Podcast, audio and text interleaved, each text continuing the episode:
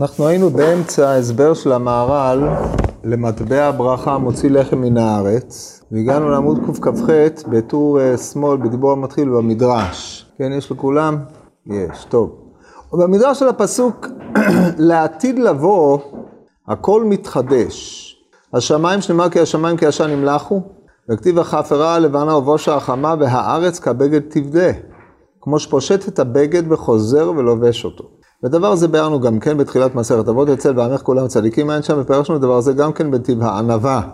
ודבר זה יש לך לדעת עוד ולהבין. זאת אומרת, עכשיו הוא הולך לדבר על משמעות הארץ כתשתית לביאור הברכה מוציא לחם מן הארץ. מדוע הארץ דווקא ולא האדמה?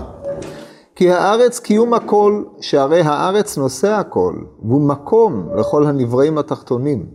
כבר ביארנו כי המקום נותן קיום אל הכל עין למעלה, אצל הקובע המקום לתפילתו תמצא דבר, כי המקום נותן קיום אל הדבר שעומד בו.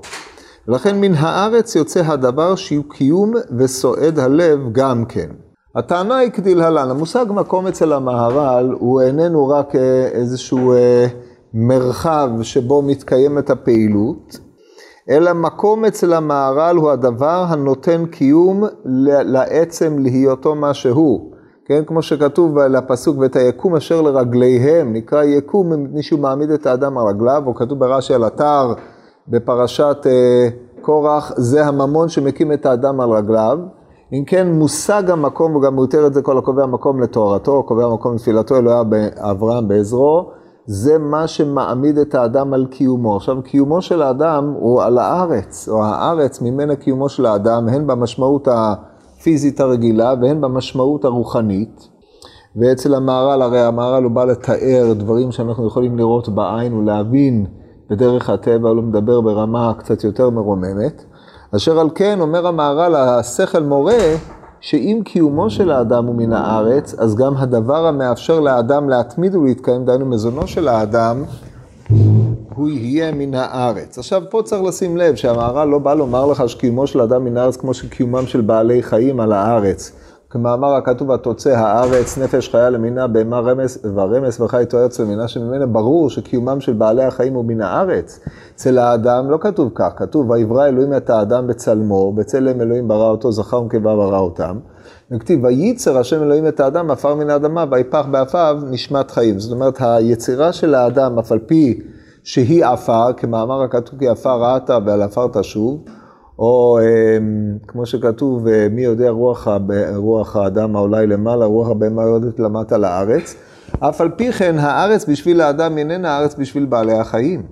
ולכן תפקיד הארץ מבחינתו של האדם, אה, היא שונה מתפקידו של הארץ אצל בעלי החיים, והמשמעות שהארץ נותנת קיום לאדם. או שהאדם מעניק משמעות לארץ כנותנת קיום, הוא ודאי חלוק ממה שקורה אצל בעלי החיים. לכן הברכה, מוציא לחם מן הארץ, לא מדבר על אותה ארץ שממנה ניזונים בעלי החיים, למרות שבפועל אה, החיטה גדלה בארץ, והחיטה אוכלים ממנה גם בעלי החיים וגם אה, בני אדם. אלא שמבחינתו של האדם, הארץ היא הגילוי של כוחות החיים, שהם זנים את הגוף, שמכוחו האדם הוא מה שהוא.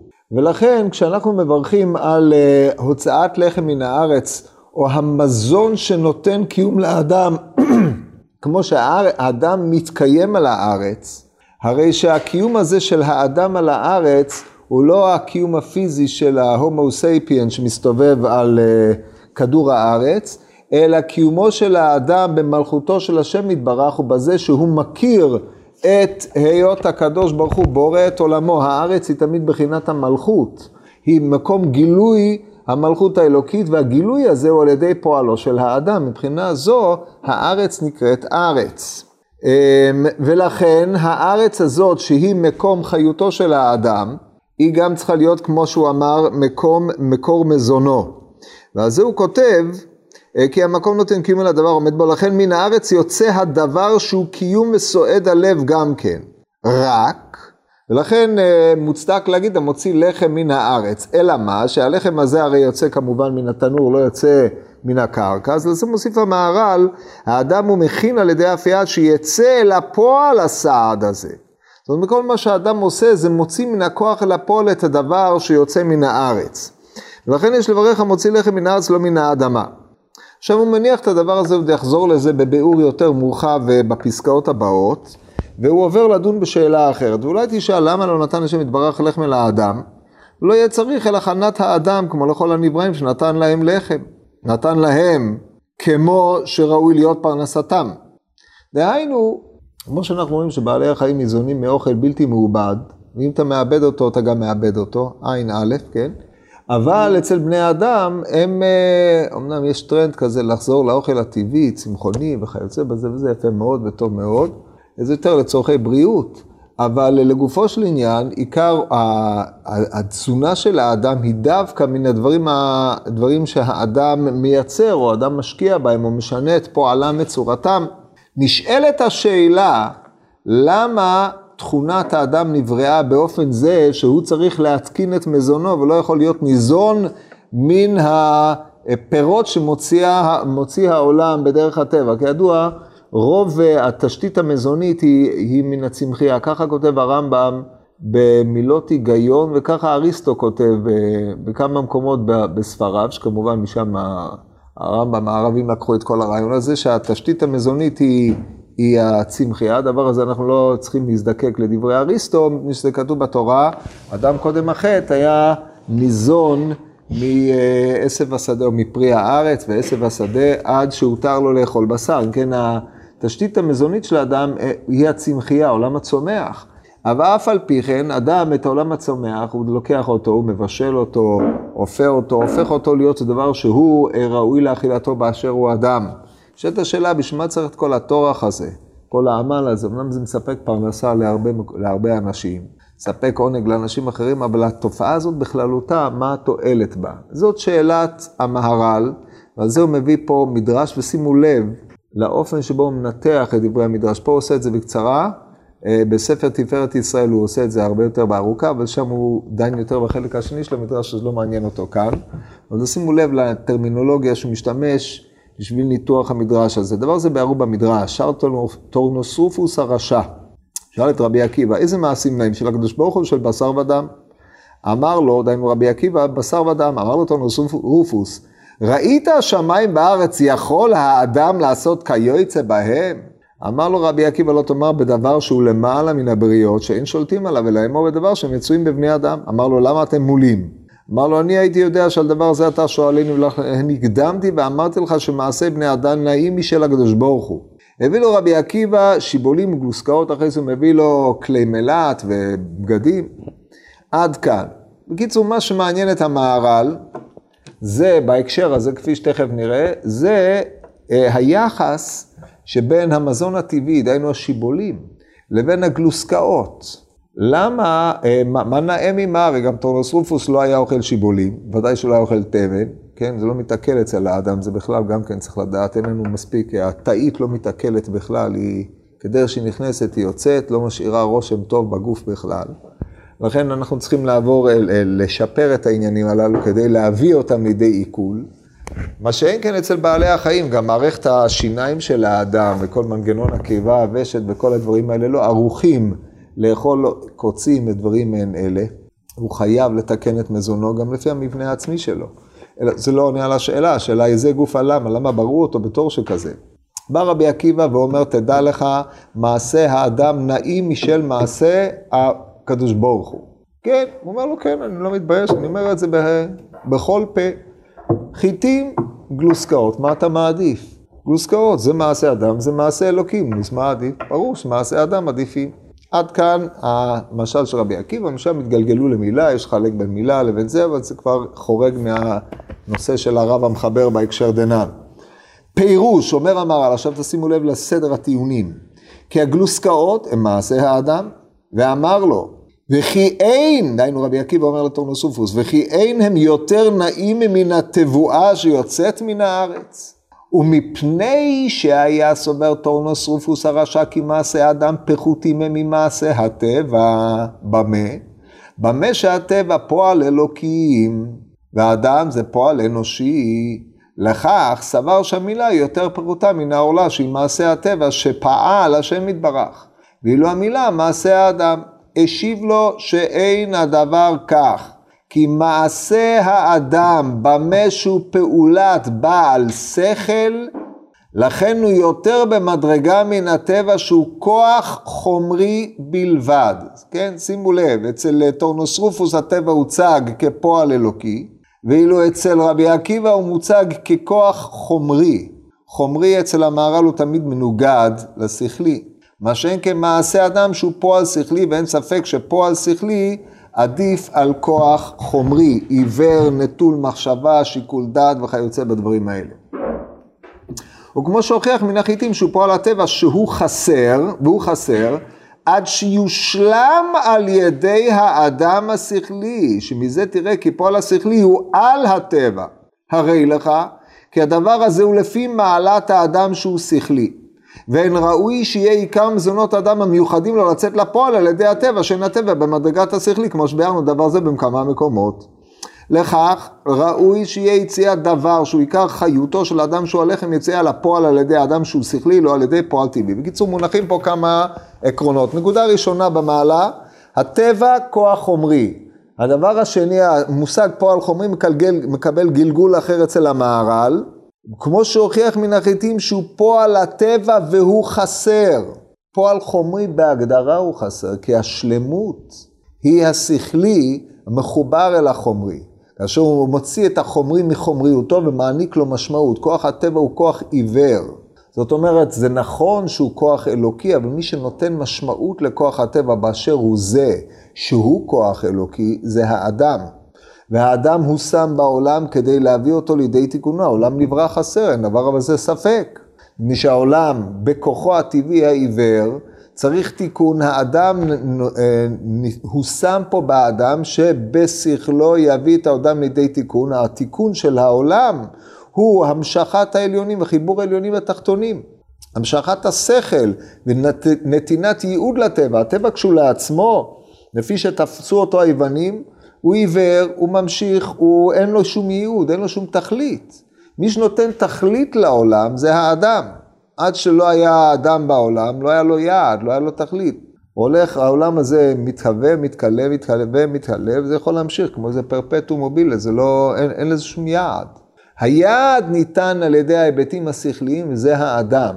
ולפי תפיסת המהר"ל בכמה מקומות, האדם נקרא מחבר עליונים ותחתונים, החיבור עליונים ותחתונים זה הייעוד של העולם, במובן הזה שהעולם הזה אה, ניכר בו שהוא פועל אלוקים.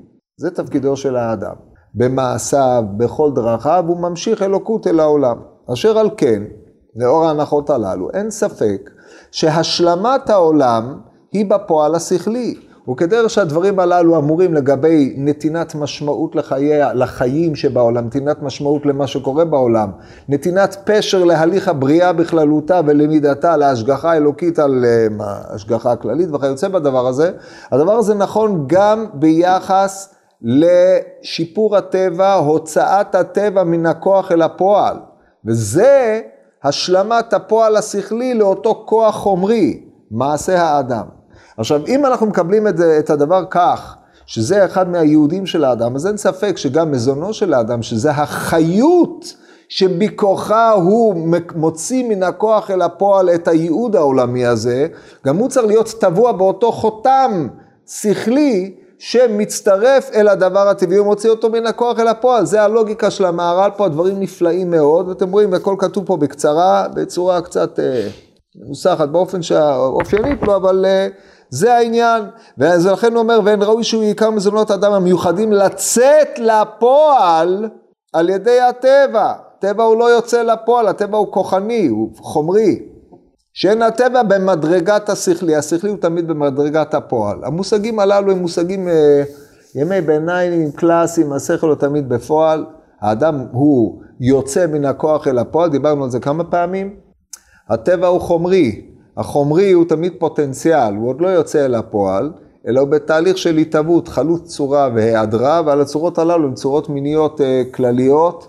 טבעיות, לא uh, צורות שחתומות בחותם שכלי, שזה פועל האדם, שמגלה בהתבוננותו את השכלי שבהנהגה האלוקית על העולם. אבל כמו שאמרתי לכם קודם, אתם יכולים להבין את זה לבד, עולם בלי אדם הוא עולם חסר משמעות. צריך לחשוב על זה היטב, זה לא, זה לא טענה טריוויאלית, כן. מה זה משנה? בזה, בזה, זה ודאי נכון, המושגים הללו הם מושגים שכולם, אצל הרמב"ם התהליך של האדם הוא יציאה מן הכוח אל הפועל, זה תכלית האדם, גם תכלית העולם, יציאה מן הכוח אל הפועל, או בניסוח אריסטוטלי, מימוש הצורה בחומר, כן? שזה עובד באותו, זה פשוט אה, מערכת מושגים מקבילה. זה ברור, הם, למדים, הם קראו את אותם ספרים, הוא קרא אותו, ואלה מושגים דומים, כן. עוד מעט, זה בסוף. בסוף אתה מקבל את הפתרון שלו, טוב, נראה זה בעמוד הבא. טוב, אז עד כאן הקטע הזה. עכשיו, אנחנו מגיעים לדברים קצת יותר מפליאים. אנחנו הרי עדיין לא ענינו על השאלה, לגמרי. ובמדרש עוד, וקוץ ודרדר תצמיח לך, אילו זכית, היית נוטל עשבים מתוך גן עדן ותואם בהם טעם כל מעדנים שבעולם. עכשיו, ואכלת את עשב השדה. על דורות הללו הוא אומר שהאדם משליף משדהו, כך צריך לגרוס, משליף משדהו ואוכלה, עד שהוא עשב. דהיינו, בקיצור, האדם מסתובב בשדה, לוקט עשבים ואוכל, כן? יש עשבים שמאוד בריאים לאכול, כמו שחתולים עושים. אתם ראיתם פעם חתול שיש לו כאבי בטן, הוא הולך ואוכל עשבים, למרות שהוא חיה אוכלת בשר, לפי השיניים שלו, הוא לא יכול לאכול עשבים. יש צריך מערכת שיניים כמו של אה, טוחנות של אה, בקר או צאן, שיניים שטוחות כאלה שיכולות לטחון. מערכת עיכול הולמת כדי שתעלה גירה ותוריד אותם עוד פעם, כי אחרת זה לא מתעכל בגלל הבעיות התאית שאמרתי קודם. חתול אין לו את כל המערכת הזאת. אבל הוא אוכל עשבים לבריאות, זה גורם לו להקיא ולנקות את המערכת. כן? אני ראיתי כמה וכמה פעמים, מרתק לראות. מה העניין זה אצל זה? טוב, בכל מקרה, אז זה אדם גם, אדם, יש לו מערכת שיניים מורכבת, כן, אנשים אה, בתקופה הקדומה יותר, הניבים שלהם היו הרבה יותר מפותחים מאשר היום, הניבים הקדמיים, אה, כמו אה, עוד אילו בעלי חיים, אבל הם לאט לאט עם ההתקדמות, לא נקרא לזה אבולוציה, למרות שאין שום רע במילה הזאת, אז אה, אדם אה, עודן, אה, מערכת השיניים שלו והפה וכל המבנה של האדם בכלל, עבר אי אילו תהליכים בהתאמה להתקדמות העולם, שלא בהכרח בגללו. ובכל מקרה, אז כתוב פה במדרש, וקוץ ודרדר תצמיח לך ואכלת את עשב השדה. עכשיו, מה הקושי? אדם לא אוכל עשב. זאת אומרת, יש כאלה, עשב חיטה למשל, אחד הדברים היותר בריאים שיש, ממש מלא, כל טוב הארץ, למרות שזה לא טעים בכלל, אבל אה, אדם אה, מדי פעם נזקק לעשב, אבל הוא אוכל אותו תמיד מעובד, הוא לא אוכל אותו כמו צ'וק, כמו שאמרתי לכם קודם. אז המדרש נזקק למשמעות הכתוב, ואכלת את עשב השדה. אומר המדרש, שאדם משליף משדהו ואוכלה עד שהוא עשב, כיוון ששמע האדם הראשון כך, הזיעו פניו, אמר גוואלד. אמר, מה אני נקשר לאבוס כבהמה? מה עשה? אומר לו הקדוש ברוך הוא, אה, אמר לו, הואיל והזיעו פניך תאכל לחם. אז יש לנו פה דיאלוג מעניין. מה, מה העניין? העניין מצד אחד, כתוב, אמ, וקוץ ודרדר תצמיח לך, ואכלת את עשב השדה. פסוק הבא, בזיעת אפיך תאכל לחם. מעיקר המייקה סבר, ובסוף מייקה סבר. המתח בין שני חלקי הפסוק הזה מושלם על ידי המדרש. דרשתו של רבי יצחק בבראשית רבה והטענה היא כדלהלן. ביסודו של דבר משעה שנשלח האדם מגן עדן, בוסתן הזכלים, כמו שהוא נקרא, ירד במדרגתו כבהימה. איך כתוב? נמשל כבהמות נידו. אדם בעיקר, פעמיים זה כתוב בשם בתהילים מ"ט, אבל בפרק, בפסוק האחרון של הפרק, אדם בעיקר ולא יבין, נמשל כבהמות נדמו. יצאת, ביקרת את העולם הדמיוני על פני העולם הדבקותי השכלי, אין דמיונך שונה במהות מדמיונה של הבהמה, אתה משוחרר, שלחו אותו, תאכל כמו בהמה. זאת אומרת, התזונה שלך, היותך ניזון מן הארץ, היא תזונת הבהמה, מפני שאין לך זיקה לשכלי, נמשל כבהמות נגמו, כי אדם בעיקר בל ילין. יקרו של האדם היה בבחינת ותחסרהו מעט מאלוהים וכבוד והדר תיאטרהו, דהיינו הבחינה השכלית שלו. ברגע שהוא אדם זלזל בה, נטה אל הדמיוני, כן, פה אנחנו נמשכים קצת אחרי ביאור הרמב"ם במורה, אבל uh, הדבר הזה נכון לכל uh, המפרשים בגדול, כי הדברים הללו הם פסוקים, או בחינת משנה פניו ותשלחהו באיוב, שהרמב"ם באלף בית מביא את זה גם כן, משנה פניו, דהיינו המגמת התבוננותו של האדם עברה שינוי, מהתבוננותו בהשגחת העליונים או בהשגת העליונים עבר להשגת ענייני צורכי גופו, ותרא אישה כי טוב עץ מאכל וכי תאווה העיניים ונחמד העץ להשכיל. דהיינו, תזונת הגוף, אז אמרו לו, בבקשה, צא, תיזון מהארץ. אתה לא שונה מן הבהמה. אז זה הדבר ראשון. הזיעו פניו. הזעת פניו, שנייה, לא גמרתי את השטף. הזיעו פניו. בזיעת אפיך תאכל לחם. זו תשובה לשאלה שאדם שאל, אמר לו, ריבונו של עולם, אמנם חטאתי, אביתי, פשעתי, נזרקתי מגן עדן, הלכתי אחר הדמיון, אני לא אדם? אין בי פוטנציאל שכלי, על כל פנים אין לי שכל יהיו לי? אני צריך לצאת אל הפועל.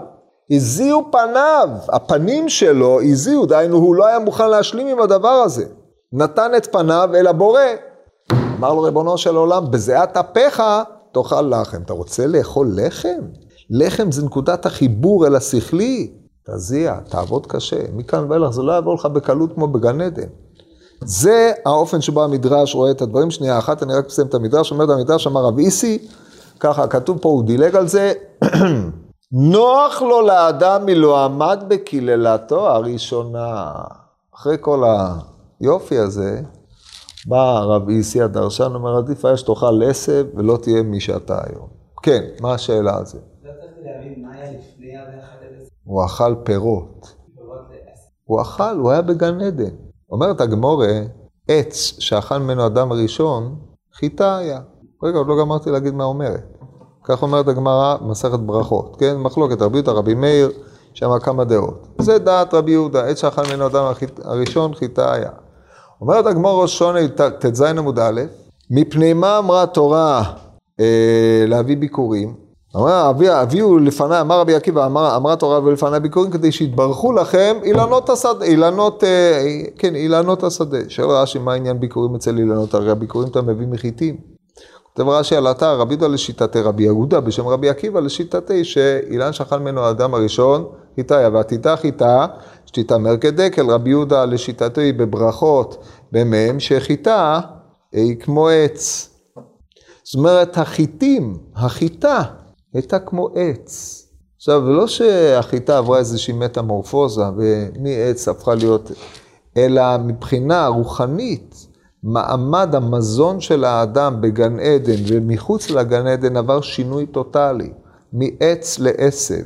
העץ מצמיח פרי, עץ פרי עושה פרי. עץ, נקודה, דיברנו על זה כבר, זה משל אל האדם, נקודת החיבור בין העליונים לתחתונים, והפירות של העץ זה הפירות שאדם מפיק מהתבוננותו ומחיותו. עיקר חיותו של האדם הייתה שם רוחנית, כמו שלעתיד יהיה בגן עדן. היציאה של האדם מן הגן היא שינוי טוטאלי של מהות חייו של האדם. מכאן ואילך האדם הוא עבד לקרסו ולחושיו. לא ככה? עכשיו אנחנו נחזור להיותו עבד לקרסו, זה, זה בדיוק אה, טענתו של אה, רב איסי בהמשך. האדם לא היה מוכן להסכין עם זה שהוא ירד למדרגת הבהמה, אמרו לו אין לה בעיה, אתה תתאמץ מאוד כדי שהמזונות שלך יהיו שונים ממזונות של בעלי החיים. עכשיו כל הדבר הזה הוא uh, תיאור, ותשימו לב שאדם נשלח מגן עדן באיזה יום? ביום שישי הוא נשלח, כן? חטא בתשיעי, זרקו אותו. בקיצור, עד, uh, עד, מוצ... עד, בוא נגיד שלפני יום ראשון הוא כבר היה בחוץ. מהי נפקא מיני? החטא הזה הוא חלק מהליך הבריאה של האדם. זאת אומרת, האדם נברא, או האדם הברור, שאותו אנחנו מכירים, שהוא היה בין 130 שנה פחות 130 פלוס יום, זה האדם אחרי החטא, הטבוע בחותם של האדם עם היצרים, עם כל מה שאנחנו מכירים היום, כן? כשנתבונן על עצמנו. לא השתנה הרבה מאז. לא לעשות מיצנו, אנחנו לא... חוץ מזה שקיבלנו את התורה וזה תיקן אותנו תיקון מה? זה אותם כוחות, אותם עניינים שאנחנו צריכים להתמודד איתם באופנים אלו ואחרים. על כל פנים, למה אני אומר לכם את הדבר הזה? מפני שהיציאה מגן עדן, הגן עדן שהוא איזושהי אידאה שאנחנו צריכים לחתור להגיע אליה, היציאה הזאת מגן עדן היא שינוי של תזונת האדם. עכשיו, האדם צריך לעבוד על תזונתו הטבעית. מפני שעבודת האדם היא להכניס את השכל בכל חלקי חייו. אלא מה? כמו שיכול לקרות הרבה פעמים, כמו שקורה, השכל נעשה עבד לצרכים הפיזיים של האדם ומתבטל עליהם. וזה מה שאומר רב איסי. נוח לא היה לאדם לעמוד בקללתו הראשונה, כי תראו למשל, תעשיית המזון העולמית מגלגלת מיליארדים. המזון מעסיק את מוחם של אנשים, הם, זה, בזה הם רואים את פסגת העניין, לאכול איזה סטייק אנטריקוט במסעדה זו וזו, ואחרי זה לדבר על זה, וזה תופס את השיח האנושי. זה ממלא את מוחם של אנשים ואת בטנם עד שהם לא יכולים לאכול יותר, והמוח שלהם מסויד לחלוטין, או הם נשלחים לבעיות של אה, אה, כולסטרול ודברים מעין אלה, כן? במילים אחרות, מה שהאדם חושב עליו, המזון הוא לא רק המזון, המזון הוא סימפטום לשאר ההתעסקות של האדם בהפעלת השכל, בסיפוק הצרכים הגופניים שלו. זה נוח לו לאדם שהיה עומד בקללתו הראשונה, כי תראה מה, איזה ברכה יש בזה שהאדם צריך עכשיו לייצר את מזונו, להפעיל את כושרו השכלי בייצור הסיפוק של הבגדים, של המזון. רק תסתכלו על האופנות. בפריז, בחנויות, אנשים מבזבזים, נשים, אני לא יודע, יש גברים שהם כמו נשים, אבל אני יודע, אצל נשים זה יותר מצוי, כן, מסיבות אה, אלו ואחרות הם נצבעו על זה, כי אין אישה אלא ליופי, אז אין לה ברירה, אבל האנרגיה שהם מבזבזים, יש גברים, היום הגברים כבר עם הבעיות של מגדר, שאדם לא יודע אם הוא איש או אישה, אז באופנה זה בטח ככה, צער מאוד, אבל אנשים מבזבזים אנרגיה רבתי על הדברים האלה. זה לא קללה? קללה. עכשיו אם אדם היה משתמש בו, לובש את מה שהוא לבש כשיצא מהמערה ואוכל עשבים, זה היה מעסיק את המוח שלו בדברים אחרים, זה לא מטריד אותו. אז זה קללה. ועמד על זה קהלת, כן? אז זה המצב. אז לכן בא רבי סי ואמר, עם כל המדרגה הזאת, בזיעת אפיך תאכל לחם, אנחנו לא יותר טובים מאשר היינו במצב של ואכלת את עשב השדה, זה תמצית המדרש הזה, שאלות? אין. הלאה, אומר המהר"ל. גם המדרש הזה מבאר לך כי אדם שהוא בעל שכל יותר מכל הנבראים התחתונים. כאשר שמטבח נתן לו ולשאר בעלי חיים כל עשב השדה זלגו עיניו דמעות. כן, הזיעו פניו, הזיעו פניו אצלו זלגו דמעות, כן? מי אמר שהיה קיץ שם. טוב, מפני כי אין ראוי שיהיה לאדם שיתוף אל שאר בעלי חיים בדבר שהוא חיותו. למה לא? זה אוכל וזה אוכל. אז ידועים דברי הרמב"ם בשמונה פרקים. שהאדם ניזון, אתם למדתם שמונה פרקים, נכון? עוד לא. שיעור ב' למדו שמונה פרקים. אז כתוב בשמונה פרקים שהאדם ניזון בנפש האנושית והחמור ניזון בנפש החמורית. והדקל ניזון בנפש הדקלית. ומזון זה זה שיתוף השם בלבד. ככה כותב הרמב"ם. מה פשט הדברים? פשט הדברים הוא שאף על פי ש... המזון שנכנס לפיו של החמור והמזון שנכנס לפיו של האדם אה, פועל תזונה ובזה הוא מגדל חמור ובזה הוא מגדל אדם, אבל הכוח המזין, כשהוא לעצמו, לא פועלו של הכוח המזין, שזה עיכול המזון ופליטתו, אלא הכוח המזין של הנפש האנושית חלוק במהות מהכוח המזין של הנפש החמורית. כמו שאדם וחמור הם שתי מהויות, גם הכוחות שלהם הם שתי מהויות. עכשיו נעלה מדרגה, אומר המהר"ל, האנושי, חיות האנושי חלוקה במהותה מחיות הבהמי. לחיות האנושי, כמו שאמרנו קודם, יש ייעוד, וחיות החמורי, הייעוד שלה מוגדר לא רק על ידי האנוש. מי שנתן משמעות לבעלי החיים זה רק האדם. איך אנחנו יודעים את זה? כי התורה אומרת את זה, ויקרא אדם שמות. זה לא שיהיה לו בגן החיות מקום כדי לדעת איך קוראים ליצור הזה ואיך קוראים ליצור הזה.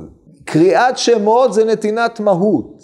זה התבוננות, נתינת מטרה, כמו שאמרתי לכם קודם, זה אחת המשמעויות היותר גדולות של האדם בעולם. ולכן אדם שחי בעולם נטול מטרה, הוא לא מממש את הייעוד האנושי שבו. כי אחד מהעניינים היותר מהותיים זה היות לאדם תכלית, והיות לעולם סביבו תכלית, ראייה תכליתית. שבמדע המודרני, לא בפילוסופיה המודרנית מנסים לטשטש את זה, לאבד, אין, מי אמר שיש לך תכלית? תחיה בלי תכלית. טוב, אבל אה, זה לא עניין לעכשיו. אז אה, זה, זה המשמעות של אה, מה שאומר המהר"ל, שלא ראוי שהתזונת האנושי ותזונת הבהמי תהיה בעלת אותה מהות. זאת הייתה בחייתו של האדם. כן, דהיינו שיהיה צריך אל האדם שכל על פועל זה וכל פועל שכלי, פעול שכלי הוא על ידי טורח ועמל, כי לא נעשה מעצמו כדבר שהוא בטבע שהוא נעשה מעצמו, וצריך טורח וחוכמה על זה. וכל זה לייחד האדם במה שהוא שכלי, שיהיו מזונות שלו על ידי פועל אנושי שהוא שכלי, וזה ראוי לו. עכשיו שימו לב, זה שהאדם הוא שכלי, אין הכוונה שיש לו איי-קיו, מה שהאיי-קיו של האדם הוא, הוא יודע לנצח את השח, את הכלב בשח, או שיש לו איי-קיו של 120, 30, 40, 70, או מה שלא יהיה. ולבהמה אין, או שיש לו יכולות לקרוא ספרים ולבלבל את המוח, מה שלבהמה אין. זה לא הדיון, היות האדם שכלי, זה שיש לו כושר התקשרות עם הבורא. זה הנקודה המהותית של השכלי. דהיינו שהאדם מרומם מעצם החומריות, יותר, נותן לה משמעות מפני שהוא מכיר שיש לעולם בורא ותכלית. זה השכלי, אדם שלא מכיר בדבר הזה, אין בינו לבין החמור ולא כלום. זה לא דבריי, אלא זה מפורש ברמב"ן, בספר, אה, בדרשת תורת השם תמימה, ומפורש בכל הספרות הדתית, כן? אין בינו לבין הבעל חיים שום דבר. ולכן השכלי שבאדם, האכילה, המזון שבאדם, מה שנותן לאדם את קיומו, הוא איננו רק זן את הצד הגופני שבו, הוא זן את האדם בכללותו.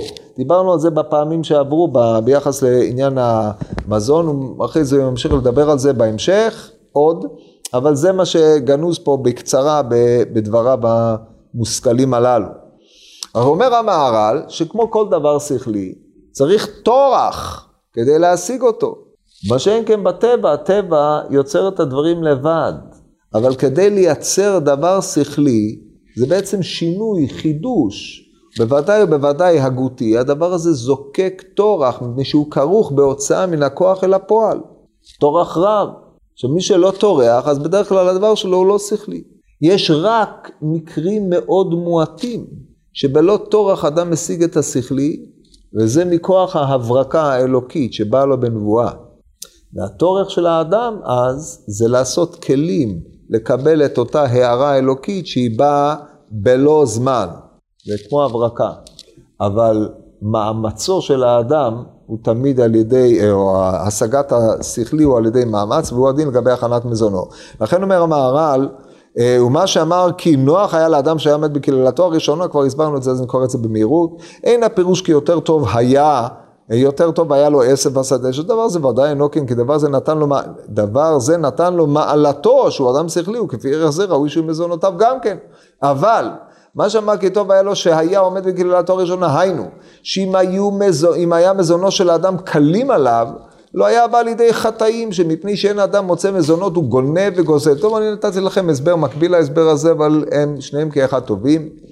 שמפני, כן, וכמה חטאים הוא עושה, זה, זה כבר כל מה שאמרתי כלול במשפט הזה, ועל זה אמר, כי טוב היה לו שהאמת בקללתו ראשונה, אבל בוודאי לפי מעלתו שהוא אדם שכלי, היה ראוי שיהיה מזונו יוצאים אל הפועל על ידי אדם שהוא שכלי גם כן, ולכן אין לך לשאול מפני מים מזונו של אדם טבעיים.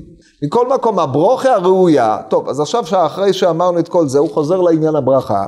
הברכה הראויה היא המויצי לחם מן הארץ, כמו שאמרנו.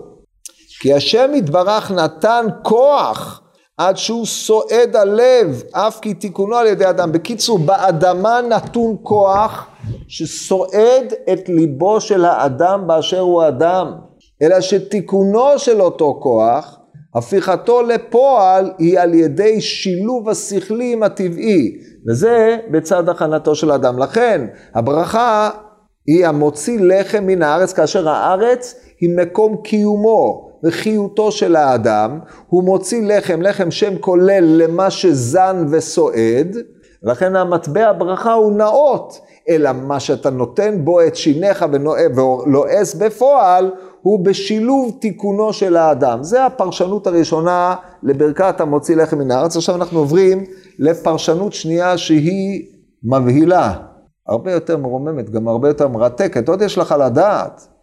ממה שאמר המוציא לחם מן הארץ, רצה לומר שהשם יתברך הוא מוציא לחם מן הארץ לגמרי. זאת אומרת, עד עכשיו זה לא היה לגמרי, אלא בשילובו של האדם. פתאום אומר המהר"ל, לא, זה לגמרי. עכשיו פה הקטע הזה הוא מפליא, רק שהחטא של האדם גרם שאין זה יוצא הלחם מן הארץ בעצמו, רק שצריך אחר כך תיקון. בלא זה לא היה ראוי להיות מזון האדם, רק כי דבר זה גורם החטא של האדם אם לא היה החטא היוצא בשלמות. במילים אחרות, המוציא לחם מן הארץ, השם מוציא לחם מן הארץ לגמרי, אלא מה? אתה לא יכול לאכול אותו, אתה, אתה לא זכאי לאותו לחם כי חטאת, ולכן לפום דרגה דילך, אחרי החטא אתה צריך לטרוח כדי לאכול את מה שהיית ראוי לקבלו בלא טרחה בלא חטא. זה בתמצית הטענה. עכשיו ביסוס הראיות ותראו פה יש דברים נפלאים ומשונים. בגמורה פרק במה מדליק עניין טבע רבן גמליאל וקדריה שעתידה ארץ ישראל שתוציא גלוסקאות וכלי מלט. שנאמר היא פיסת בר בארץ בראש הרים. ככה פיסת בר, דהיינו חתירת לחם, בארץ בראש הרים. אתה הולך, כותף לחם ואוכל. לגלג עליו על אותו תלמיד, אמר אין כל חדש תחת השמש. אנחנו רואים שזה לא היום, אם זה לא היום, גם לא היה אתמול, חזוק כדאשתא, מדאשתא ליתא, מקרנמי ליתא. אין כל חדש, לא ישתנה, מה שהיה הוא שיהיה. אז מה הפשט? אמר לו רבן גמליאל, הנפק אח ולי כמהינו פטריות. אמר הנה אתה רואה כמהינו פטריות, הם יוצאים והכל בסדר גמור, זה כיוון שיש דוגמתו בעולם הזה, אז כדרך שזה בעולם הזה, ככה זה יהיה לעתיד לבוא. כן, אומר המהר"ל, ורצה לומר לעתיד כאשר לא יהיה עוד קללת הארץ, שהיה בשביל חטא האדם, כן, אז אה, תקבל הארץ השפע מן השם יתברך בשלמות הגמור והכל יוצא בשלמות עד שלא יהיה צריך שום תיקון. לפיכך תוציא הארץ גלוסקאות וכלי מלט. ועתה האדמה שנתקללה מן השם יתברך בשביל חטא האדם אינה מוכנת לקבל הברכה העליונה, אבל לעתיד שתיפסק הקללה מן העולם, יהיה הארץ מוציא הכל בלי חיסרון כלל. בניסוח קצר, עכשיו נחזור לזה בפעם הבאה, הרעיון הוא כזה, באופן עקרוני, העולם בנוי כך שהצורה, כמו שאמר מתבטא במקום אחר, היא שלמה. אלא שמי שאיננו יכול לקבל את הצורה זה החומר העכור בשל חטאו של האדם. אז לכן המצב כפי שהוא באמת זה שהארץ מוציאה גלוסקאות וכלי מלט. אבל בגלל קלקולו של האדם, הדבר הזה עדיין לא ראוי לצאת אל הפועל. לכן האדם צריך להשלים את זה. אבל אנחנו מברכים על המצב האופטימלי כפי שראוי שיהיה, ולא על מצב המקולקל כפי שהוא. זה בתמצית, המשך יבוא בעזרת השם בפעם הבאה, שנשלים את זה, מה שאני מבקש מכם, שתקראו את הטקסט הזה וגם את הכל עד עמוד קל"א בדיבור המתחיל, האדם צריך שיהיה נזהר.